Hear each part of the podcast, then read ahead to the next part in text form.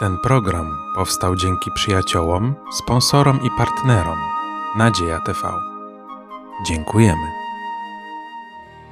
Serdecznie witam w Kościele Adwentystu Dnia Siódmego w Podkowie Leśnej. Wraz z moimi gośćmi podejmiemy dzisiaj bardzo ciekawy temat nawrócenie serc w czasach końca. Serdecznie zapraszam.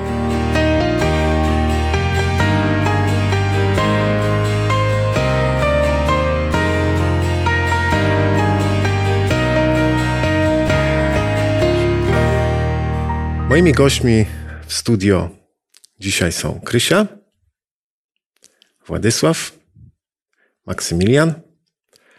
Ja mam na imię Grzegorz. Wierzymy, że wśród nas jest wielki, wszechmocny Pan Bóg i chcemy go przywitać słowem modlitwy. Zapraszam Krysię do modlitwy. Ojczu kochany, tak bardzo dziękujemy Ci za to, że mogliśmy się znów spotkać na kolejnym studium lekcji biblijnej. Prosimy Cię, daj nam ducha Twojego świętego, mądrość, błogosławieństwo, abyśmy wszystko, co będziemy czytać i mówić, aby to było wszystko ku Twej czci i chwale. Prosimy Cię też o błogosławieństwo dla internautów, którzy nas teraz słuchają. Daj im też odczuć błogość i zrozumienie. Tak bardzo Ci dziękujemy za wszystko. W imieniu Jezusa Chrystusa. Amen. Amen. Moi drodzy, dziękuję serdecznie za Wasze przybycie, za chęć skomentowania ciekawego zagadnienia, bo będziemy mówili o sercu, o nawróceniu, o wpływie Pana Boga na to serce. Dzisiejszym spotkaniem zamykamy kwartał dotyczący rodziny. Podczas 13 spotkań, które miały miejsce, dotykaliśmy zagadnień bardzo istotnych, bo mówiliśmy o ważności relacji, wspólnoty, bliskości. Mówiliśmy o, o intymności w związku małżeńskim, ale mówiliśmy także o samotności. Mówiliśmy o tym, co jest związane z życiem, samym życiem, wyborami, decyzjami, konsekwencjami tych wyborów, ale także o przemijaniu. No i nie sposób, dotykając tych zagadnień, nie powiedzieć na temat samego Pana Boga. Czy Pan Bóg ma coś do powiedzenia na temat sensu życia? Czy wpływa na to nasze życie? Czy Pan Bóg ma coś do powiedzenia na temat rodziny? Bo o tym próbowaliśmy też powiedzieć. I pozwólcie, że tak tytułem wstępu, ponieważ troszkę jesteśmy zobligowani tym, aby tą, tym trzynastym naszym spotkaniem, sięgając w przeszłość, wstecz, pewnie będziemy dotykali tych zagadnień, o których, o których była mowa, chcąc, nie chcąc bo temat dzisiaj bardzo ciekawy, bo mówimy o nawróceniu, czyli z jednej strony o wpływie Pana Boga na ludzkość, ogólnie rzecz biorąc, ale na jednostkę również. W rodzinie, wśród osób tych, które żyją samotnie, czy idą przez życie samotnie. I chciałbym rozpocząć, czy wprowadzić w pewne pytanie, fragmentem z Księgi Rodzaju, z dwunastego rozdziału. Jest to krótki fragment, historia opowiadające wydarzenia, jakie miały miejsce w Egipcie, gdy Abram tam się udał z małżonką. No i czytamy od wiersza 17 po 20. To jest przekład Piotra Zaręby. Posłuchajcie, taka ciekawa, ciekawa sytuacja, ciekawe wydarzenie. Pan jednak z powodu żony Abrama, Saraj, dotknął faraona i jego dom ciężkimi plagami. Wówczas faraon wezwał Abrama do siebie. Cóż to mi zrobiłeś? zapytał. Dlaczego mnie nie uprzedziłeś, że to twoja żona? Dlaczego utrzymywałeś, ona jest moją siostrą? Przez to wziąłem ją sobie za żonę, a teraz posłuchaj. Oto twoja żona, weź ją i odejdź. Po czym rozkazał faraon swoim sługom, aby odprawili Abrama wraz z jego żoną i wszystkim, co do niego należało. Ciekawe wydarzenie. Takich historii jest więcej w Piśmie Świętym, ale jak myślicie, na bazie tego fragmentu, jakie miejsce chciałby Pan Bóg zająć w rodzinie? Czy Bóg w ogóle chciałby zająć takie miejsce? Czy Bóg dzisiaj ma takie miejsce w rodzinie? Jak w Waszym zrozumieniu to wygląda? Pan Bóg pragnie, żeby rodzina była uświęcona, czysta, jeden mąż, jedna żona, żeby, no, nigdy Pan Bóg nie mówił, żeby było wielożeństwo, tak? Zawsze, no, pragnął, żeby, no, nie było cudzołóstwa, bo jednak jak czytamy ten Stary Testament, ile tam, ilu ludzi, w ogóle tam taka była moda, że czy po dwie żony, czy po więcej mieli, no to były kłopoty, kłótnie, awantury. Wtedy nie był ten Bóg tak uwielbiony, nie było takiego, no takiej religii czystej, czy takiego nabożeństwa w domu, no bo to raczej no, nie dało się. Mhm. Czy rodzina jest jakoś wpisana w plan zbawienia, w Boży plan zbawienia? Bo Bóg na pewno chce zbawić ludzkość. Ale jaki wpływ, czy jaki związek z tym ma rodzina również? Rozszerzam to pytanie Bóg, zadane wcześniej. Bóg przemawia do człowieka w sposób zrozumiały dla tego odbiorcy. I jeżeli y, mówimy, że przemawia do nas poprzez Pismo Święte, poprzez przyrodę, to tak samo poprzez relacje międzyludzkie. Gdy jesteśmy małymi dziećmi, y, to mamy dużo pytań do naszych rodziców, do ojca, Czasem dziwimy się, dlaczego tak czy inaczej się zachowuje, a później dorastamy, stajemy się rodzicami, małżonkami, później rodzicami i Bóg y, na każdym etapie chce do nas przemawiać, ażeby abyśmy poznali pewne prawdy o Nim. Co to znaczy być dzieckiem Bożym? Rodzina tego uczy. Jaki jest Bóg? No, niestety nie wszystkie rodziny y, mogą modelować Boga dla, dla dzieci, ale gdy już jesteś rodzicem i masz dzieci, to wtedy zaczynasz inaczej patrzeć na Boga też.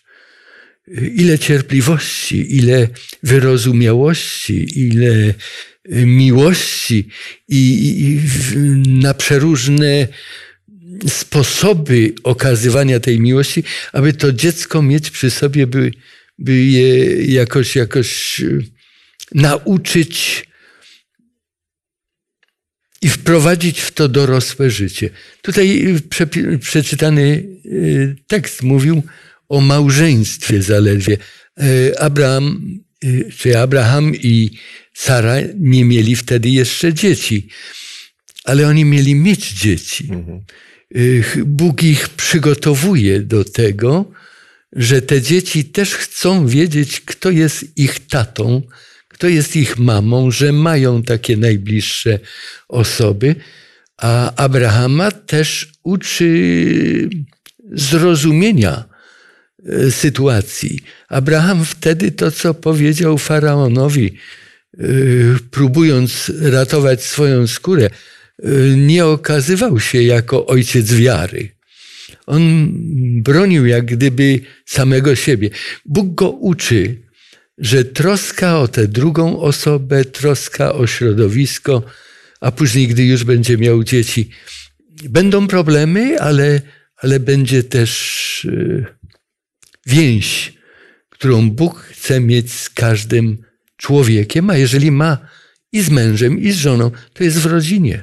Mhm, bardzo dziękuję. Ja jeszcze Proszę. chciałam um, powiedzieć, że Pan Bóg, kiedy stworzył pierwszego mężczyznę i kobietę, to on sam celebrował małżeństwo. Sam on ustanowił to małżeństwo, on błogosławił małżeństwo. Także na, no, Pan Bóg ma wgląd jednak w nasze życie. Mhm. Ta powołana tutaj historia z Księgi Rodzaju wskazuje na to, bo Pan Bóg miał konkretny plan co do Abrahama, Sary, ich potomstwa. E, mało tego, Bóg ich szczególnie prowadzi, dlatego ta ingerencja jest, bo być może można by posłużyć się innymi fragmentami Słowa Bożego, akurat e, nie tak pozytywnie wskazującymi urząd małżeństwa czy instytucję małżeństwa, gdzie było wielożeństwo, prawda? Bóg tego nie pochwalał. Nie ma, nie ma fragmentów w Słowie Bożym, że Bóg mówi, to było dobre w przypadku, załóżmy, Salomona, który miał tyle, tyle żon i w innych przypadkach. Tu widać ingerencję. Bóg prowadzi. I Wydaje się, że na każdym etapie Bóg, Bóg próbuje y, ingerować i dać do zrozumienia, że niekoniecznie Twoje wybory, decyzje są na takim etapie właściwe czy dobre. Bóg wskazuje te dobre y, decyzje. Ja pozwoliłem sobie otworzyć y, tym pytaniem mm, ten temat, dlatego że dzisiaj dotkniemy dwóch wielkich proroków, którzy pojawiają się w Piśmie Świętym.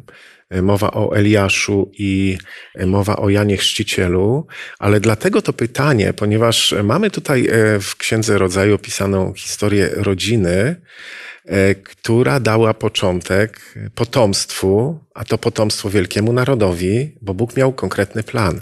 I tu, gdy będziemy mówili o Eliaszu, będziemy wspominali o ich rodzicach, bo to też było ważne, co było zresztą wspomniane, kwestia wychowania, przygotowania się e, zgodnie z tym, z tym Bożym, e, z Bożym zamysłem. Jeśli moglibyśmy przeczytać dwa fragmenty Słowa Bożego, które otworzą nam to nasze, nasze rozważanie, to naszą dyskusję. W Księdze Malachiasza w trzecim rozdziale, gdybyśmy przeczytali dwa wiersze.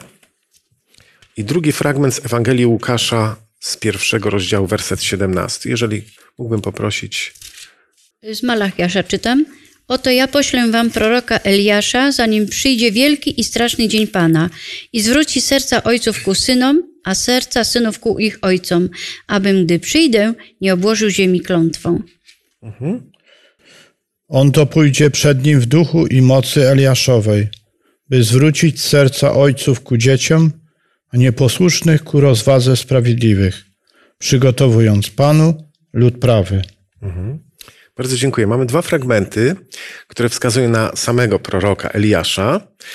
I mowa jest o Janie Chrzcicielu, który w podobnym duchu Eliasza e, poprzedzi tą misję Pana Jezusa. E, gdybyśmy mieli tak ogólnie określić, na czym polegała ich misja, tych dwóch proroków? Przygotowanie ludu na spotkanie z ich Bogiem, mhm. na relacje z tym Bogiem. Bo naród w przypadku Eliasza Tiszbity e, odszedł tak daleko od Boga, że był zdezorientowany, myśląc o Stwórcy i myśląc o balach. Gdy Eliasz mówi, jeżeli Pan jest waszym Bogiem, albo Baal, jest Bogiem, to idźcie za Nim. I naród jest zdezorientowany do tego stopnia, że nie wie, co odpowiedzieć, ani słowem się nie odzywa. Mhm. I gdy Jan Chrzciciel później się pojawia, to naród izraelski, pamiętajmy, że ostatnim prorokiem był Malachiasz. To było około 400 lat, taka przerwa między testamentami, kiedy nie było głosu proroczego, jaki poprzednio Izrael y, słyszał.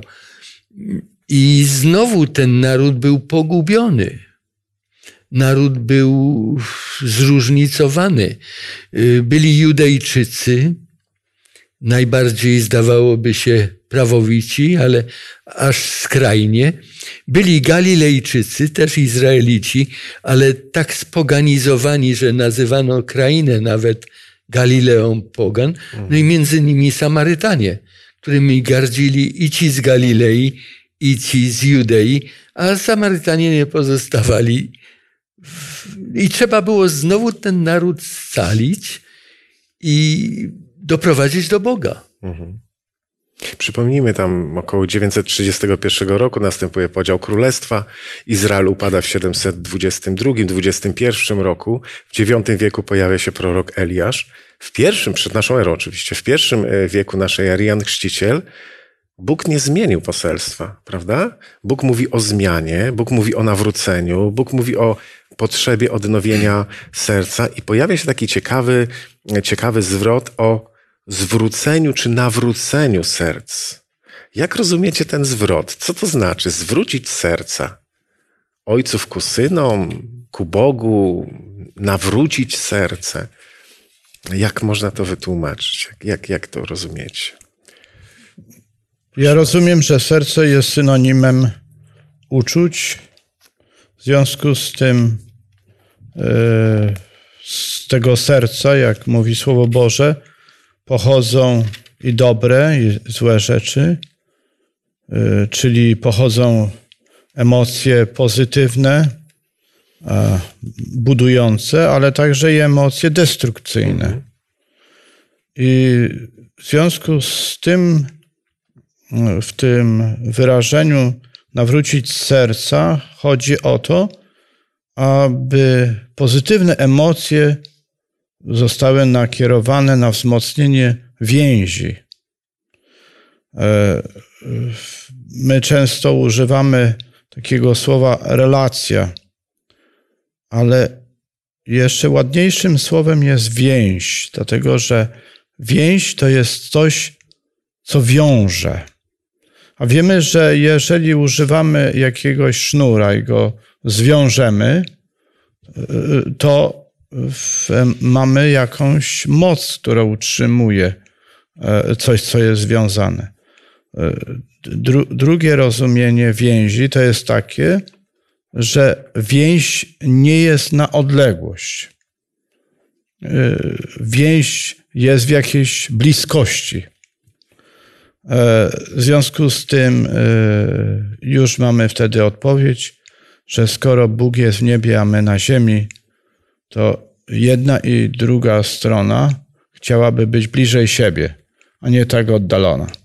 Z tym, że my nie jesteśmy w stanie nawiązać więzi z Bogiem, jeżeli Bóg się do nas nie przybliży.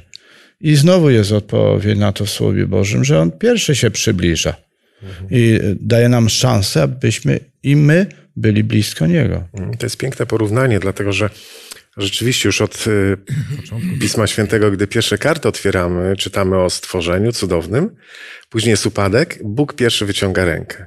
Próbuje y, nawiązać relacje y, więzi, próbuje to naprawić. Mało tego, poprzez te relacje rodzinne, Bóg tutaj pokazuje pewien symbol, że ja chcę mieć takie relacje z Kościołem. Ja chcę mieć takie, takie relacje z wami, z wami wszystkimi. I, i rzeczywiście te więzi, które wynosimy gdzieś tam z domu od naszych rodziców, którzy pokazują, jak kochać, współczuć, one później mogą być przez nas w naszym życiu przenoszone gdzieś dalej. Podobnie z relacjami z Panem Bogiem. Krysiu, miałaś myśl, bardzo y, proszę. Taką mam myśl, że zwrócić to znaczy oddać. Coś, co zostało, tak bym powiedziała w cudzysłowie, skradzione. Y, mamy tu opis y, Starego Testamentu Izraela, tak? Eliasz Tiszbita nawoływał, zwróćcie swoje serca ku Bogu. Jeśli Bóg jest Bogiem, to idźcie za Nim, jeśli Baal, to Baal. Czyli zwróćcie, oddajcie swoje serca Bogu, a nie Baalowi. Mhm. Ja to rozumiem troszeczkę inaczej, aczkolwiek podzielam te myśli, które zostały wypowiedziane. E, zwrócić serca ojców ku synom, a serca synów ku ich ojcom. To jest relacja rodzinna. Czy jest tutaj konflikt pokoleń zasygnalizowany, który Eliasz ma w jakiś sposób doprowadzić, ażeby ojciec rozumiał syna, a syn rozumiał ojca, aby chciał, bo zwrócić można, tak jak y, Krysia powiedziała, y, zabrałem, no to zwracam, a, a można zwrócić, zwrócić na niego uwagę, zająć się nim, mhm. skierować się ku niemu, aby go lepiej pojąć, lepiej zrozumieć. I, i tak ja rozumiem tutaj tę zapowiedź z księgi Malachiasza. Mhm. I w takim duchu ma działać później Jan Chrzciciel. Mhm. Tak, ale Bóg, y, oczywiście, tak jak powiedziałeś, Bóg jest nie tylko naszym Bogiem, ale i naszym Ojcem. I skoro naszym Ojcem, no to też pragnie my, jako Jego dzieci, żebyśmy się do Niego zwrócili, nawrócili, oddali Mu swe serca, tak?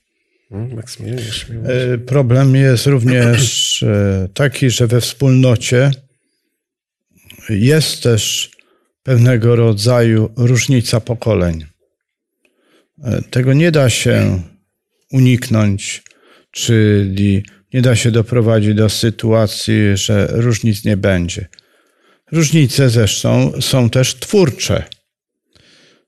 Na prostej zasadzie. Czy widzieliście, żeby y, na łące były dwa kwiaty, które byłyby takie same? No nie. Y, Pan Bóg się lubuje w różnorodności, ale ta różnorodność nie może prowadzić do podziałów, e, których trudno jest potem przekroczyć. I problem jest taki, że i, i w, w historii Izraela też była pewna tradycja ojców, y, której tej tradycji nie chcieli dochowywać ci, którzy byli młodzi, tak? Czyli to nowe pokolenie. Wydaje się, że również we wspólnotach religijnych dzisiaj, w XXI wieku, też jest pewnego rodzaju e, takie zróżnicowanie, że, że pokolenie, które wychowało się na książce, a pokolenie, które wychowuje się na smartfonach, myśli inaczej. I to jest ten problem, e, żeby doprowadzić również do jakiegoś takiej, takiej więzi między tymi dwoma pokoleniami wyznawców Pana w, tym, w tej samej wspólnocie religijnej.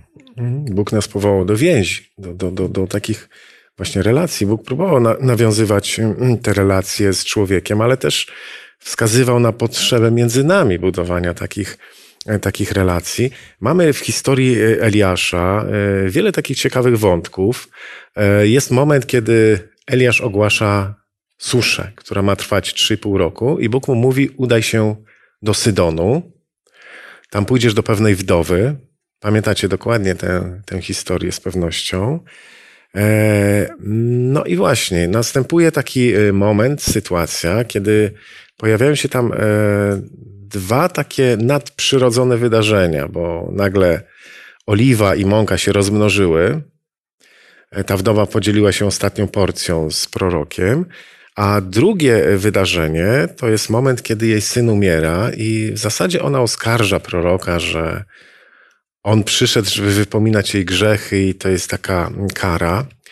E, dobrze się to kończy, ta historia, dlatego że ta kobieta oddaje serce Panu Bogu na skutek tego, co się dzieje. Jej syn zostaje zmartwychwzbudzony. Ale tak przenosząc tę historię na, dzisiejszy, na dzisiejsze wydarzenia, na dzisiejsze czasy, czy wydaje Wam się, że potrzebne są cuda, byśmy uwierzyli? Czy cuda są potrzebne dzisiaj? Bo tam by, były ewidentnie zauważalne takie cudowne wydarzenia, dwa, prawda? W życiu e, tej właśnie kobiety, Eliasza, który się tam pojawia. Gdyby y, były potrzebne, to Pan Bóg by je dał. A jeżeli je nie daje, to znaczy, że uważa, że nasze wyznawanie Boga, nasze rozumienie Jego powinno opierać się na tym, co nam dał. A przede wszystkim dał nam doświadczenie, mhm. E, które od dzieciństwa mamy, doświadczenie życia. Potem dał nam zdolność do poznawania, czyli nauczyliśmy się czytać, a jak nauczyliśmy się czytać, to dał nam możliwość, żebyśmy nabyli Jego Pismo Święte. Jak e, umiemy czytać i mamy Pismo Święte, to, e, to Pan Bóg mówi: Przecież ci dałem. Rozmawiam z Tobą przez to słowo. Mhm. Potrzebujesz, żebym ci się w, w nocy po, e, pojawiał, cię budził i się pojawiał, albo w czasie dnia wskazywał ci drogę. Ja już to zrobiłem.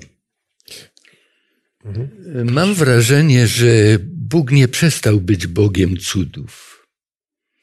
Jeżeli w rodzinie jest różnica między ojcem a synem, dziecią, dziećmi a rodzicami i dochodzi do pojednania, czy to nie jest cud?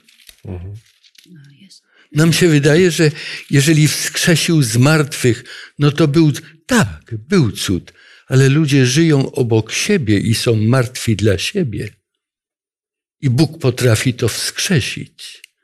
I to jest chyba zadanie tego Eliasza w każdym czasie i także w czasie końca. W naszych relacjach, w naszych rodzinach, w naszych domach. Jeżeli dochodzi do, do, do takich no, no zgonów. Mhm.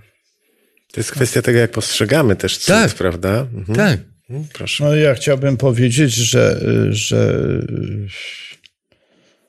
sytuacja w rodzinach, w relacjach międzyludzkich staje się coraz gorsza. Mhm. I to nie dlatego, że ludzie są źli, bo są tacy sami, jak byli 100 lat temu. Tylko yy, tylko dlatego, że w tej chwili ludzie mają bardzo wielkie aspiracje.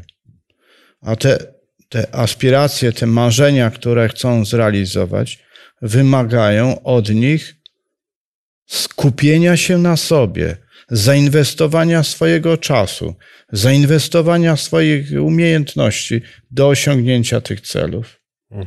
I, I potem brakuje na czas z tym drugim człowiekiem, którym się mieszka e, czy żyje.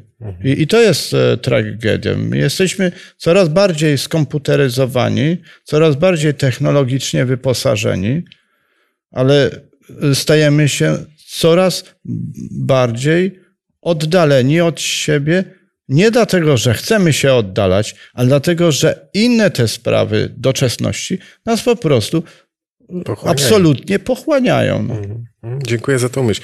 Moi drodzy, w pierwszej Księdze Królewskiej w 18 rozdziale i 18 wierszu czytamy e, e, o rozmowie Eliasza z królem Achabem.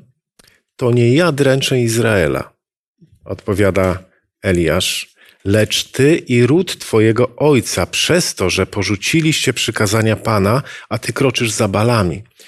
E, Na co wskazuje ta odpowiedź? Że Bóg starał się naprawić relacje w rodzinie, żeby ta rodzina królewska właściwie postępowała i co za tym idzie cały naród. Więc tu widzimy również działanie Boga na rodzinę, prawda, żeby te relacje były, i na naród. I mamy kolejną historię z życia Eliasza.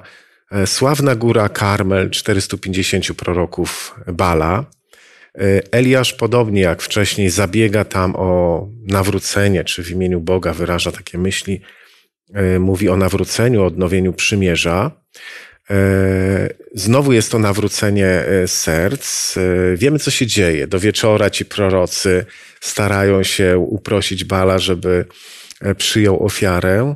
No i w końcu pojawia się Eliasz, który w momencie, jak wieczorną ofiarę składano w Izraelu, e, prosi Boga o przyjęcie tej ofiary. I co? Spada ogień z nieba. Mam dziwne pytanie. Mam dziwne pytanie. Dlaczego ten ogień spadł i, po, i strawił ofiarę, a nie załóżmy grzeszników? Tak wie, wielu ludzi myśli tymi kategoriami, prawda? Grzeszysz, źle postępujesz, Pan Bóg powinien cię ukarać. Albo wręcz nieraz słyszymy, że jakieś kataklizmy się dzieją, to Pan Bóg, bo tam były złe relacje, czegoś zabrakło. Tutaj Pan Bóg strawił ofiarę.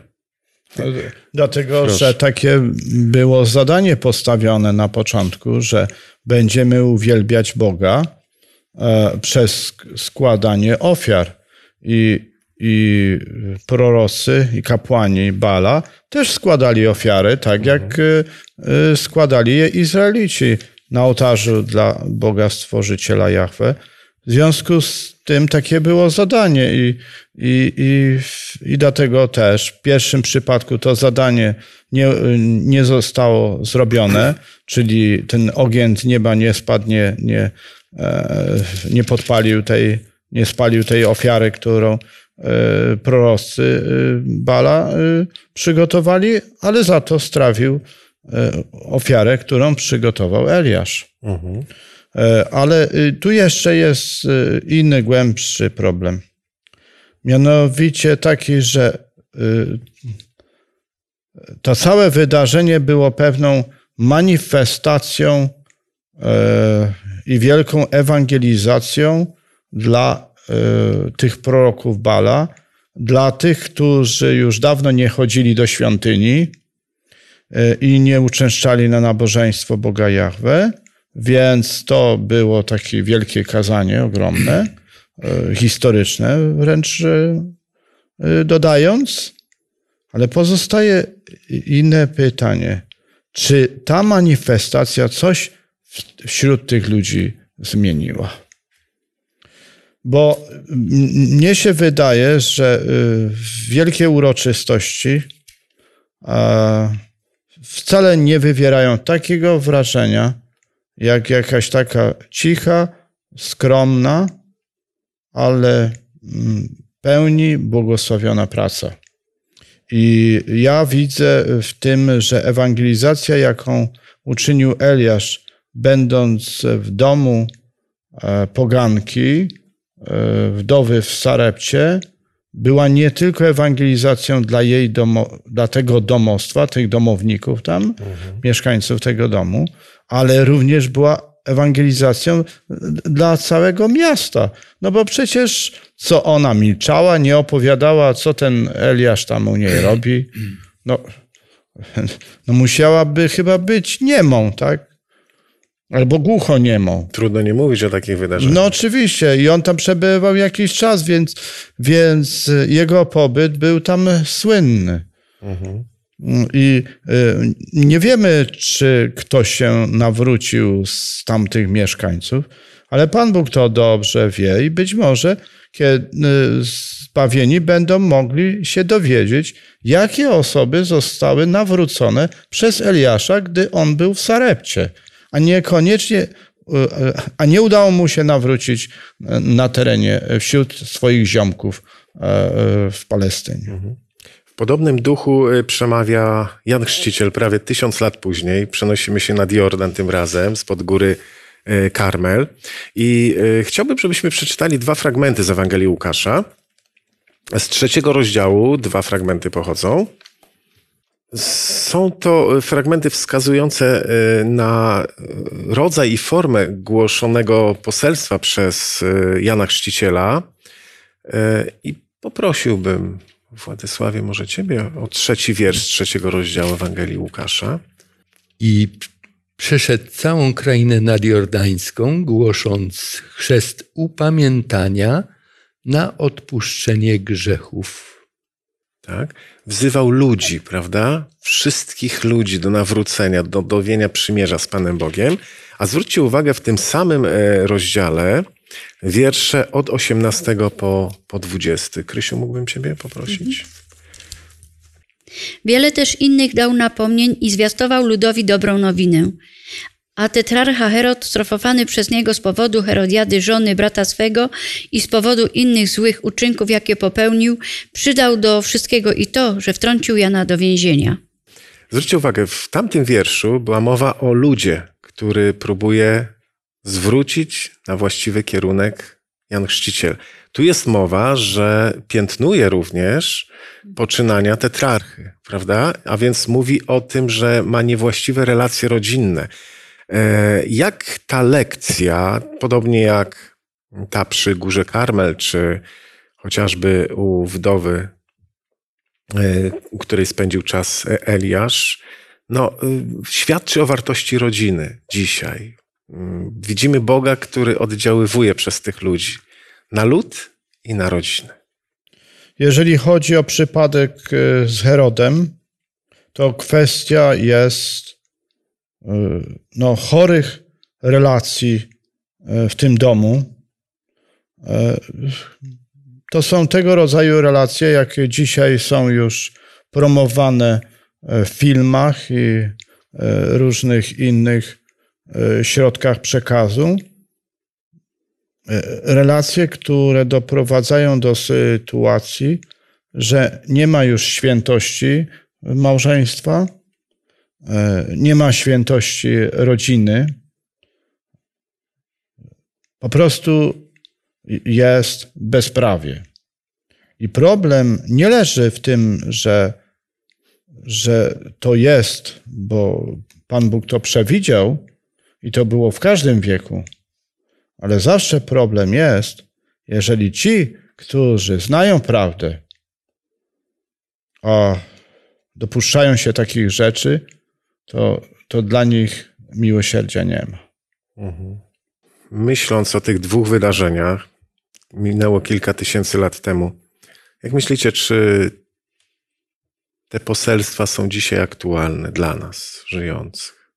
wydarzenia miały miejsce. Tych dwóch proroków zasnęło, oczekują na przyjście Pana. Czy w tych poselstwach jest coś, co dzisiaj moglibyśmy powiedzieć, to jest aktualne? Tak. Bóg się nie zmienił, Bóg działa, Bóg głosi mm, podobne myśli. No, my, lud ostatków, też jesteśmy takim, w cudzysłowie, Eliaszem. My też mamy Y, mówić ludziom o Jezusie Chrystusie o, jako o naszym Zbawicielu, orędowniku, y, żeby go przyjęli, żeby zostali zbawieni. no żeby też dzieci czciły ojca, matkę, tak sam, nie, bo to, co się dzisiaj dzieje w świecie, to po prostu coś strasznego. My na to też możemy popatrzeć właśnie w relacjach, to co wcześniej było y, podkreślone, relacje Bóg, Bóg swój lud, lud jako Kościół, czyli ta oblubienica i Pan Bóg jako ten, ten małżonek, ale Bóg również, y, jak też o tym, o tym mówiliśmy, dotykał problemów osobistych niektórych ludzi, prawda?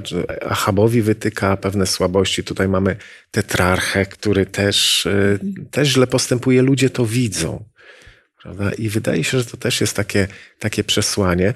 Może my nie pełnimy dzisiaj takich funkcji królewskich, e, niemniej pamiętajmy o tym, że no dzisiaj przychodzą dzieci na świat, widzą postępowanie swoich rodziców, wyciągają także wnioski i Bóg układa to wszystko w rodzinie, wskazuje, jak to powinno, powinno funkcjonować.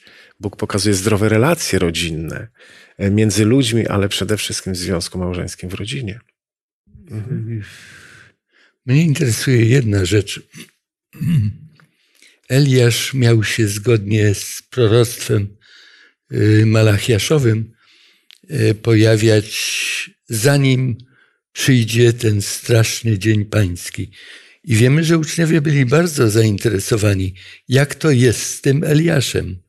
Pamiętacie Ewangelia Mateusza, 11, 17 rozdział. Y, co uczeni w piśmie mówią, że Eliasz ma jeszcze przyjść? Kto to jest ten Eliasz? Chrystus zwraca uwagę na Jana. Czy pamiętacie, jak Jan wystąpił i faryzeusze pytali go, czy ty jesteś Eliaszem? Nie jestem. My nieraz, my nieraz mówimy, jesteśmy Eliaszem i my o tym wiemy. Jan zdaje się y, o tym nie wiedzieć ale wykonuje to dzieło. Mhm. My możemy to nagłośnić, ale, ale czy jesteśmy w tym duchu Eliaszowym? Bo w, gdy Zachariasz usłyszał anioła, to wcale nie powiedział, że e, spełni się proroctwo Malachiasza, przyjdzie Eliasz. Nie, on w duchu i mocy Eliasza wystąpi. A więc to jest istotne, bo moglibyśmy, wielu ludzi dzisiaj czytających Pismo Święte chce spersonifikować tego Eliasza. Gdzie on jest? Kto to jest? Lud to lud, ale, ale to był w tym narodzie ktoś taki szczególny. Mhm. Najważniejsze jest, żebyśmy rozumieli i byli tak blisko Boga jak Eliasz z Tiszbe, jak Jan Chrzciciel. I wtedy chyba to dzieło będziemy mogli wykonywać, y, które było zapowiedziane, że serca ojców zwrócą się ku synom i odwrotnie. Mówiliśmy i słusznie ten obraz, że Bóg przecież naszym ojcem jest. Jak się nie zwrócimy do Boga, to jak się zwrócimy do bliźniego? Jan w swoim liście napisał coś jeszcze odwrotnego. Jeżeli mówisz, że miłujesz Boga, którego nie widziałeś, jak to udowodnisz, nie miłując bliźniego, którego widzisz? Masz swojego syna, masz swojego ojca, i jeżeli tutaj to pojednanie nie następuje, to co z tego, że ty będziesz modlił się, Ojcze mój, który jesteś w niebie? Mhm. Ten ojciec jest, on cię miłuje, ale miłuje i tego najbliższego w twojej rodzinie, a jeżeli uważasz, że najważniejszy w rodzinie jesteś ty i wszyscy inni powinni się podporządkować, bo, bo ty najlepiej go znasz, Jan Chrzciciel nie dostrzegał w sobie tego Eliasza. Mhm. On dostrzegał miłość Bożą, i chciał być mu wiernym. I pamiętamy te jego słowa, gdy chcieli, w zasadzie jestem przekonany, szatan chciał wzbudzić zazdrość u Jana, gdy wieść niosła, że Chrystus to jest dopiero prorok. On powiedział: Ja po to przyszedłem. Ja wam na początku powiedziałem, Nie jestem godzien rozwiązać mu, rzemyka u obuwia. On musi wzrastać, a mnie musi ubywać. I to jest poselstwo Eliasza też. Bardzo dziękuję. Y, Ja tylko chcę powiedzieć, tak jak tutaj powiedziałeś, y, że faktycznie Jan Szczyciel nie, uda, y, nie uważał siebie za Eliasza, nie, ale Pan Jezus powiedział o nim. Do tych faryzeuszy, którzy byli przy nim i do wszystkich ludzi, którzy przy Panu Jezusie stali, że on to był Eliaszem, jeśli chcecie wiedzieć. Tak, bo tu jest wzmianka o tym podobieństwie, prawda, tak, tego, tak. tego działania ducha. I myślę, że tak patrzyliśmy na tę historię. Ja dziękuję Wam za to, że chcieliście chcieliście skomentować pewne fragmenty. Dotknęliśmy dwóch historii, które dzieli prawie tysiąc lat. Yy, Ale czas od Jana Chrzciciela to znowu prawie dwa tysiące lat do dzisiejszych czasów. I możemy stwierdzić, że to poselstwo Boże się nie zmieniło. Bóg robi wszystko, aby nawrócić serca ludzi wzajemnie do siebie, ale i do Boga również, prawda? I w takich relacjach, jeśli to funkcjonuje i te tematy, które dotykaliśmy związane z rodziną, Bóg jest twórcą rodziny, to Bóg powołał rodzinę do istnienia, dał taką instrukcję obsługi, jak ta rodzina powinna funkcjonować i robi wszystko, żeby to błogosławieństwo było także naszym udziałem. Pozwolę sobie, z uwagi na to, że rozpoczęliśmy e, story fragmentem z Księgi Rodzaju, tym razem z Księgi Powtórzonego Prawa, z dziesiątego rozdziału, taki fragment, który chyba podsumowuje to, co, to, co powiedzieliśmy od wiersza 12. Teraz więc Izraelu posłuchaj, czego Pan, Twój Bóg oczekuje od Ciebie. Tego, byś żył w bojaźni przed Panem swoim Bogiem, byś kroczył Jego drogami, kochał Go i służył Panu, swojemu Bogu, całym sercem i całą duszą, abyś przestrzegał przykazań Pana i Jego ustaw, które ja Ci dziś nadaję dla Twojego dobra. Zauważ też, że choć do Pana, Twojego Boga, należą niebiosa i niebiosa niebios, ziemia i wszystko, co ją wypełnia, to tylko do Twoich ojców przywiązał się Pan, by ich darzyć miłością i spośród wszystkich ludów wybrał ich potomstwo, jak to właśnie jest dzisiaj. Obrzezajcie zatem swoje serca i nie usztywniajcie już swoich karków. Piękne myśli. Sądzę, że wiele takich fragmentów w Słowie Bożym jest aktualnych do dzisiaj. Bardzo Wam dziękuję za e, Wasz udział, za dyskusję, za ciekawe myśli. Chcemy podziękować także Panu Bogu za ten kwartał, za rodzinę i prosić o błogosławieństwo, żeby Bóg otoczył swoją opieką i dał mądrość wielu rodzinom, które przeżywają jakiś kryzys, bo nie ma dla Boga niemożliwych sytuacji, których nie byłby w stanie rozwiązać. Pomodlimy się z Maksymilianem. Niebieski Ojcze, dziękujemy Tobie za to, że mogliśmy w tym minionym kwartale studiować zagadnienia związane z funkcjonowaniem małżeństw, rodzin i osób samotnych. Dziękujemy Ci również i za rady, które są w Słowie Twoim, dzięki którym możemy żyć godnie a także możemy być drogowskazem i przykładem dla innych. Bo Ty najbardziej oczekujesz i również ludzie oczekują, abyśmy mniej mówili, a więcej czynili. I żyli tak, aby nasze życie było potwierdzeniem tego, co głosimy. Proszę, miej w swojej świętej opiece tych, którzy przeżywają problemy, kryzysy w swoim życiu osobistym, w swoim życiu rodzinnym. Jesteśmy na tej ziemi i borykamy się z wieloma problemami, ale liczymy, że nas doprowadzisz do Twojego królestwa, o co prosimy Cię w imię Ojca i Syna i Ducha Świętego. Amen. Amen. Drodzy widzowie, dziękując za Wasz udział w naszym studium, chcemy życzyć w myśl przeczytanych fragmentów Słowa Bożego wielu Bożych błogosławiec. Niech Bóg Was prowadzi przez życie, obdarzy zwycięstwami w Bogu. A w tej chwili chciałbym zaprosić już na kolejne studium, które za tydzień. Serdecznie zapraszam.